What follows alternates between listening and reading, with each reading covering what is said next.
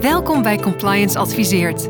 Met experts, adviseurs, bestuurders en de business bespreken we risk en compliance binnen de financiële wereld en alle uitdagingen en dilemma's die daarbij horen. Want voor het juiste en rechte pad bestaat geen navigatiesysteem.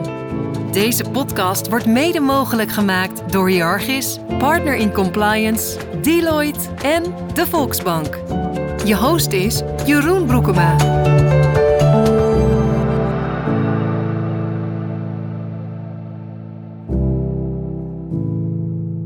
Welkom bij een nieuwe aflevering van Compliance Adviseert. Een eh, bijzondere aflevering omdat we uh, kort inzoomen op de sanctiewetgeving en regulering die er is in Nederland voor alle financiële instellingen. En we bespreken dat eh, met Mout Bukkerink om een update te krijgen over waar we nu eigenlijk staan. Allereerst, Mout, welkom bij Compliance Adviseert. Ja, dank je Jeroen leuk om uh, op deze manier hier te zijn. Absoluut. Nou, leuk dat je even de, de tijd neemt om uh, met ons te spreken. En allereerst, uh, voor mensen die jou niet kennen, zou je jezelf kort willen introduceren? Ja, ik ben Maud Bukkerink. Ik ben op het moment consultant op het gebied van anti-witwassen en sanctieregelgeving. dat doe ik nu zo'n zes, zeven jaar. Uh, maar ik zit al nou, ruim 25 jaar op, uh, werk ik op het gebied van anti-witwassen en, sancties. Uh, onder andere heel veel jaren bij de Nederlandse Bank, maar ook in Washington DC bij het IMF, de FIU, het ministerie van Financiën. Nou, in ieder geval aan de overheidskant hele keten wel zo'n beetje gezien. En nu dus adviseer ik voornamelijk heel veel financiële instellingen, maar ook niet financiële instellingen over compliance met betrekking tot de AML en sancties. En wat maakt het, het hele witwasbestrijdings uh, element, maar ook uh, sancties en compliance in zijn algemeenheid. Wat maakt dat interessant voor jou? Wat vind je er boeiend aan? Aan de ene kant, het, is een heel dynamisch uh, vakgebied. Het onderwerp verandert voortdurend en dat, dat maakt het interessant omdat je dan bij moet blijven. Het is ook heel divers. Hè. Verschillende soorten instellingen, waardoor je elke keer weer een andere manier van denken moet hebben. Het is heel internationaal. Uh, ja, en in de kern zit er ook wel natuurlijk iets achter van hè, crime uh, mustn't pay. Uh, dus daar is ook wel een, een, een diepere motivatie daar. maar het, het, is al nou, 25 plus jaren een heel dynamisch vakgebied, waardoor je elke keer toch ook zelf nog steeds leert. En dat blijft het leuk. Ja. En wat ja. denk ik een mooi bruggetje met de, de, de start van de oorlog vorig jaar in, in Oekraïne. Je hoorde daarvoor, ik in ieder geval, hoorde niet zo heel veel over sancties. Dat was er waarschijnlijk wel, ga jij mij vertellen, misschien wellicht. ja. Maar nu is het constant headlines. Uh, klopt het dat, dat, ja. dat ook financiële instellingen er minder mee bezig waren dan voor de oorlog? Nee, kijk, voor mij was het eerste moment van sancties was een dag na 11 september 2001. Toen kwamen echt dus de, de sanctiewetgeving voor mij in ieder geval op mijn pad. En ik denk voor heel veel financiële instellingen, voor banken, is het ook sinds 2001 een onderwerp. En we hebben Libië-sancties gehad. We hebben natuurlijk al eerder in 2014 Rusland-sancties gehad. Syrië, Noord-Korea, Iran. Dus het is al jaren een topic voor uh, banken en, ook heel veel andere financiële instellingen.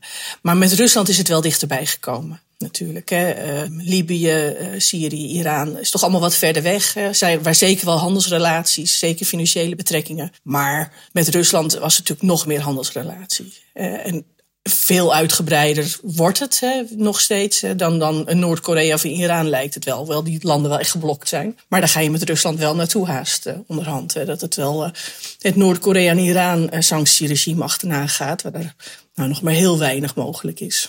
Nu hebben we bij de witwasbestrijding gezien dat er veel meer aandacht voor kwam. Dat er veel meer mensen aangenomen werden bij de financiële instellingen. Zien we dat nu hier ook? Dat veel meer mensen bezig zijn met sanctiewetgeving, regelgeving? Ja, dat, dat, dat eh, omdat je toch redelijk op het niveau zit dat het heel erg op handel ziet.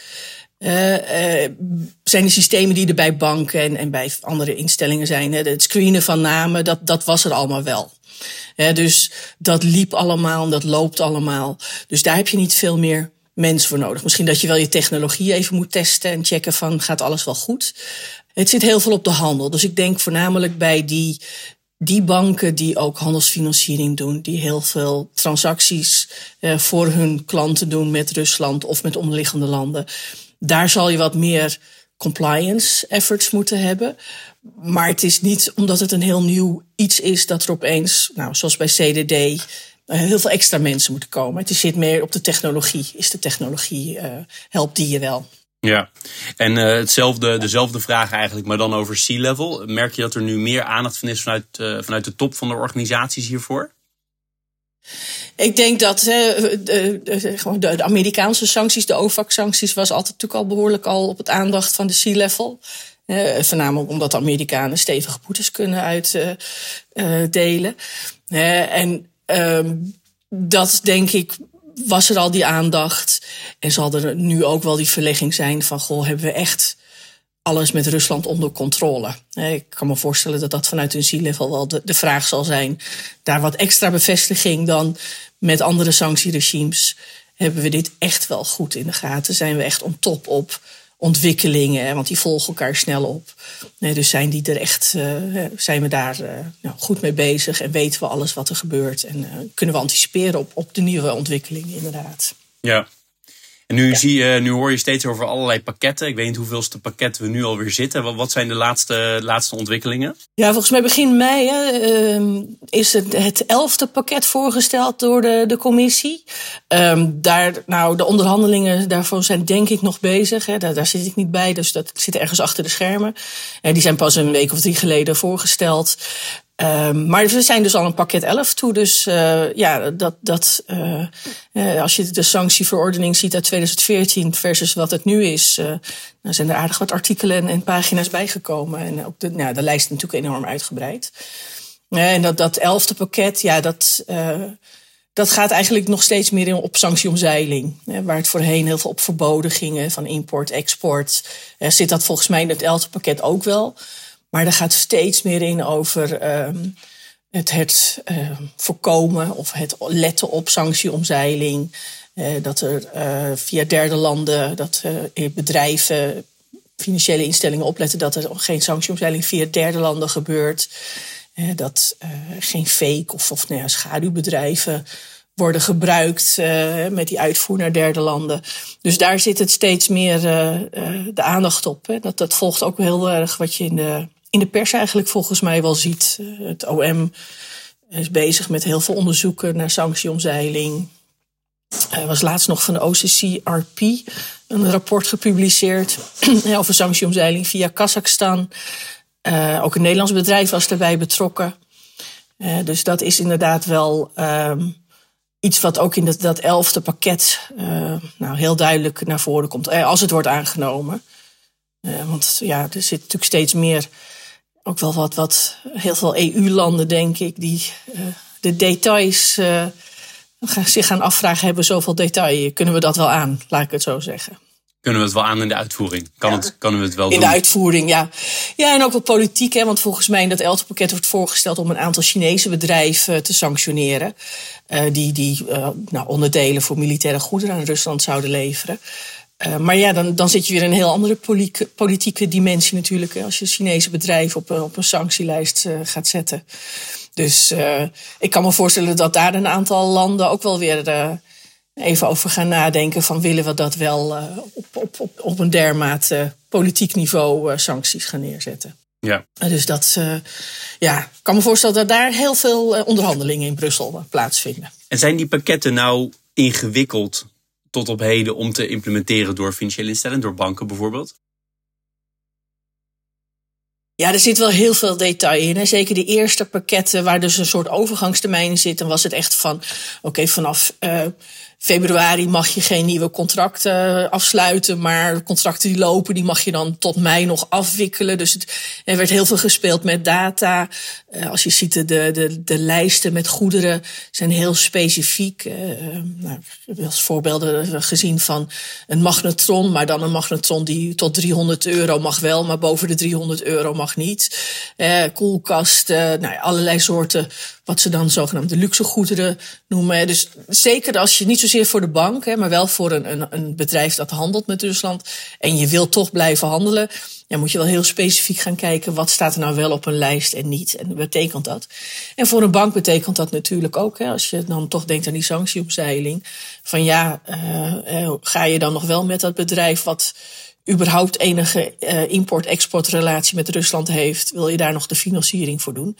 Want uh, ja, als bank wordt het toch een soort verlegde verantwoordelijkheid. En niet dat jij weet of die magnetron 300 euro is, maar wel zijn überhaupt die goederen die zo'n bedrijf die jij financiert uh, nou, aan, aan enige embargo's of andere sancties onderhevig.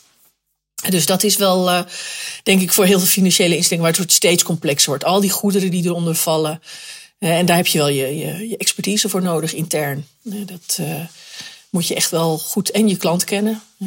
Maar ook heel goed de sanctieverordeningen weten en kunnen toepassen, inderdaad. En daar is dan weer net geen software voor die natuurlijk gaat zeggen van nou, dit zijn alle goederen die op de lijst staan uh, voor uh, verboden voor import-export uh, van Rusland. En dat halen we nu even door ons, nou, wat even klantsysteem of transactiemonitoring heen. En dan popt het er wel uit. Zo werkt dat helaas niet. Nee. Je noemde al twee keer uh, omzeiling, hè? want dat lijkt me voor een bank ontzettend ingewikkeld. Want dat je zegt, we doen zo min mogelijk met Rusland, omdat het toch heel veel risico's met zich meebrengt, kan me nog heel goed voorstellen. Maar ja, om dan vervolgens uh, ook uh, dat te gaan doen op Kazachstan en op Oezbekistan en weet ik veel, allerlei andere landen daaromheen. Ja. Lijkt me heel ingewikkeld om daar echt een vinger achter te krijgen. Ja, en dat, dat, hè, dus dat zit aan de ene kant dat je dan vraagt aan jouw klant om een soort uh, of exportvergunning, als dat op de goederen zit, uh, dat af te leveren. Want dan, dan heb jij in ieder geval wel je due diligence gedaan om te kijken van heeft dat bedrijf over nagedacht dat er misschien vergunningen nodig zijn. Um, er zijn eindgebruikersgaranties, end-user statements, die moeten worden afgegeven. Maar ja, dat is volgens mij is daar ook weer genoeg casuïstiek voor dat die vervalst worden. Uh, dus uh, kan je dat als bank zien? Uh, ik denk het haast niet, inderdaad. Dat, dat is misschien de douane die dat kan zien. Maar ja, of dan een bank dat kan zien. Dus ik denk wat je hooguit kan doen, is meer op analytisch niveau kijken van goh, welke klanten deden veel met Rusland en gaan die nu naar, er zit Kirgizië, Georgië, naar wat je al noemde, Kazachstan, Oezbekistan. Dan zie je een verschuiving daar, wat normaal ook een, normale trend kan zijn. Hè? Want iemand kan gewoon een nieuw land gaan zoeken, want Rusland is afgesloten. Hè? Dus je kan best denken van nou, dan wil ik ergens anders uh, mijn goederen naar exporteren. Maar het kan ook inderdaad een omzeiling zijn. En ik denk als bank ja, is dat, dat haast niet uh, te zien. Je kan dus inderdaad uit endgebruikers end-user statements vragen. Je kan exportvergunningen vragen. Je kan de bank nog of de klant nog eens even goed bevragen. Ik denk dan wat er vanuit het elfde pakket meer is. En ook al uit een vorige pakket. Ja, als je dan eigenlijk dat vermoeden hebt, dan zou je dat ergens moeten rapporteren. Maar die, die bepalingen zijn niet heel erg duidelijk. Hè. Als het twee weken voordat de sancties tegen een persoon bijvoorbeeld in werking gaan, dan moet je daar al gaan opletten als, als bank. Uh, heb ik in de tussentijd iets gezien wat op sanctieomzeiling zou kunnen duiden? Of gebruik van derde partijen.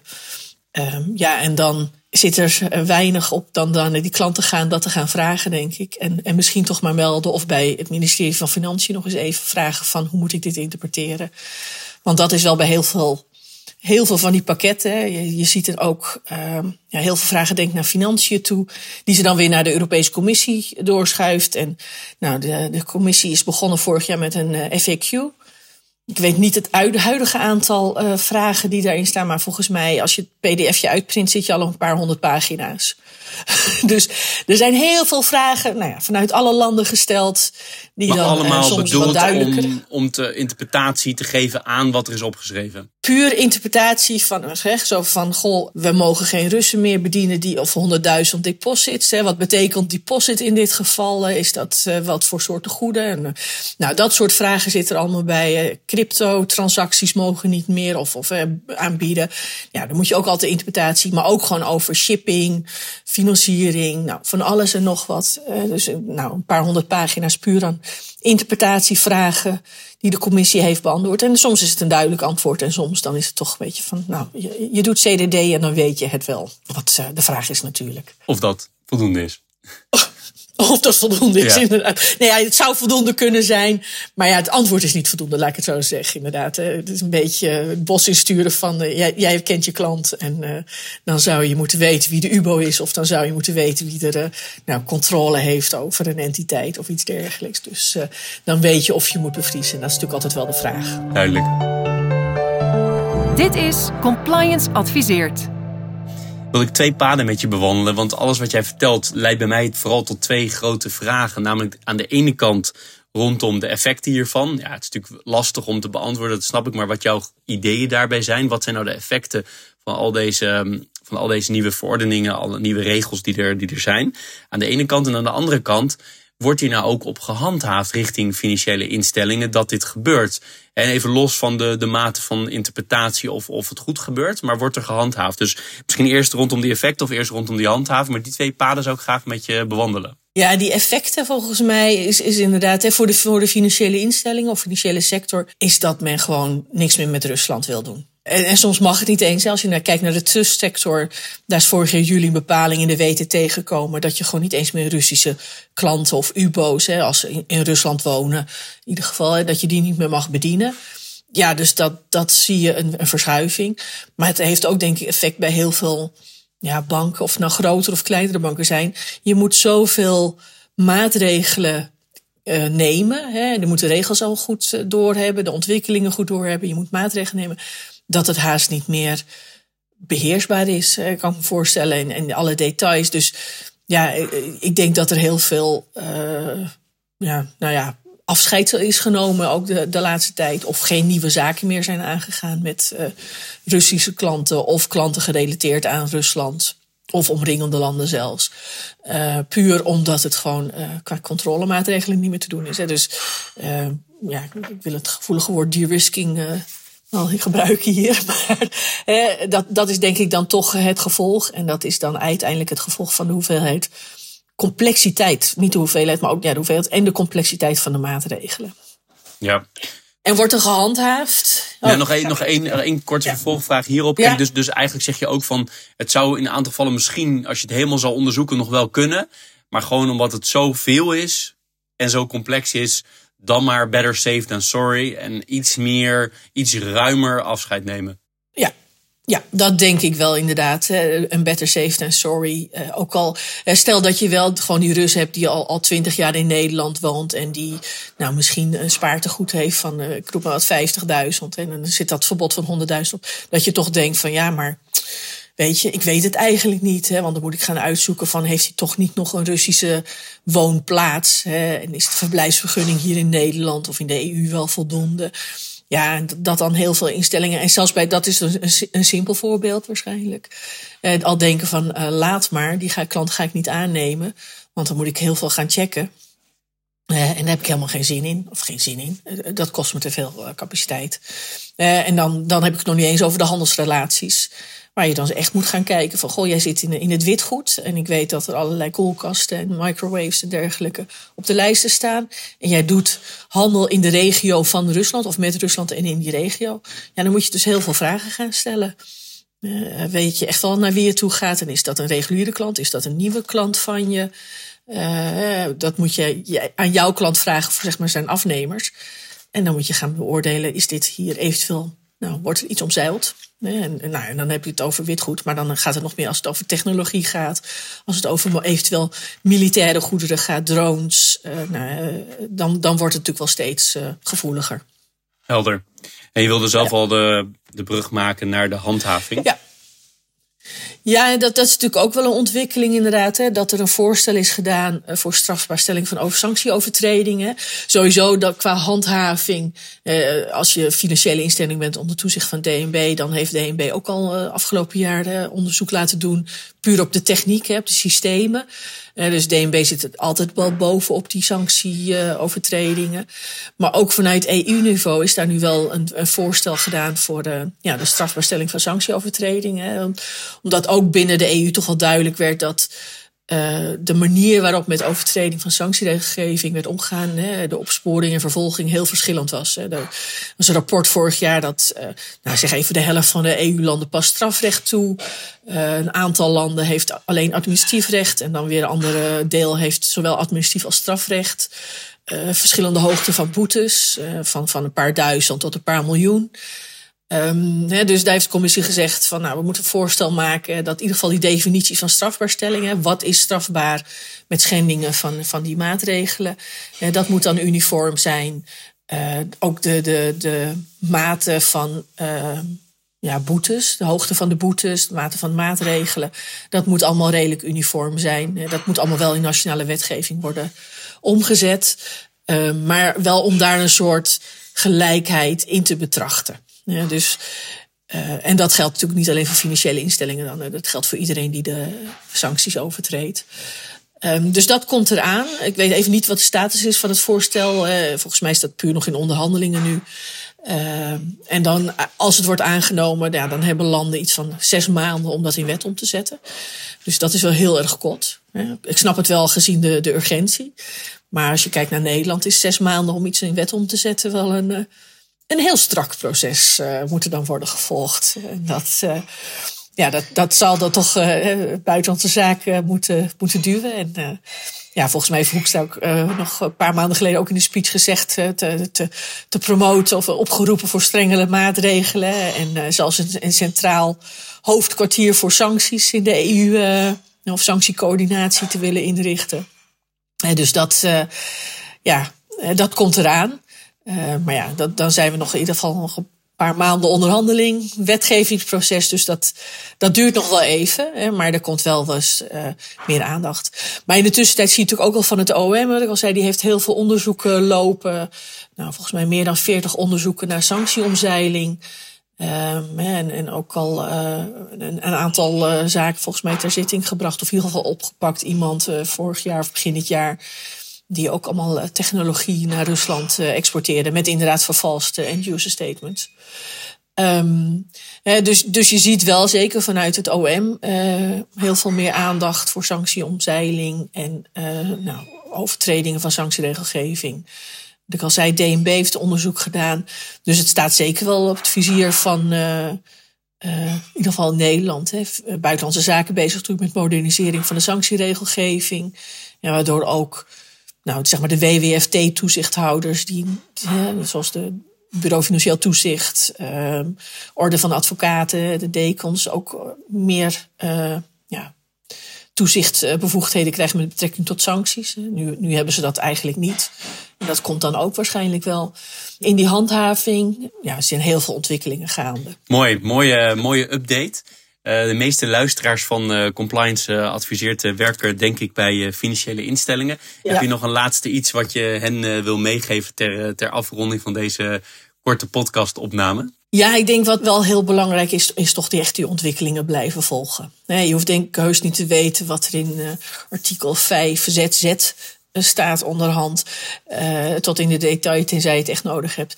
Maar uh, toch wel blijven volgen wat, wat op grote lijnen wat gebeurt. En heeft dat effect voor jouw instelling inderdaad. Als er toch weer zo'n nieuw pakket uh, wat eraan komt over sanctieomzeiling. Kijk toch eens even van doen we echt geen handel of indirect met, met Rusland en andere landen. Waardoor we getroffen kunnen worden. Dus ik denk toch die compliance efforts die blijven, blijven belangrijk. ook, al, ook al heb je misschien weinig of geen relaties met Rusland. Zeker vanwege die omzeiling. Uh, toch goed kijken wat gebeurt er in de buurt van Rusland, om maar zo te zeggen. Ja, ja, mooie, mooie laatste oproep. Heel veel dank, Mout, voor je, voor je tijd. Uh, we hopen je bereid te vinden om nog eens uh, zo'n update met ons te doen. Want yep. het is een, een subvakgebied van, van compliance waar ongelooflijk veel gebeurt. Zoals je zelf ook al opmerkte, wat constant in beweging is.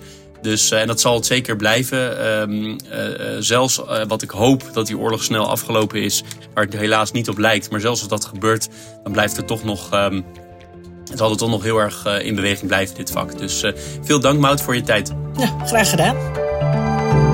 Je luisterde naar Compliance Adviseert. Deze podcast werd mede mogelijk gemaakt door Hierarchis, Partner in Compliance, Deloitte en de Volksbank. Meer weten of een reactie achterlaten? Dat kan op onze LinkedIn. Als je ons daar volgt, ben je bovendien altijd op de hoogte van nieuwe afleveringen. Natuurlijk zijn we je zeer dankbaar als je een review achterlaat en meer mensen vertelt over deze podcast. Vergeet ook niet te kijken naar de andere podcasts op ons kanaal. Er zit vast iets tussen dat je aanspreekt. Bedankt voor het luisteren.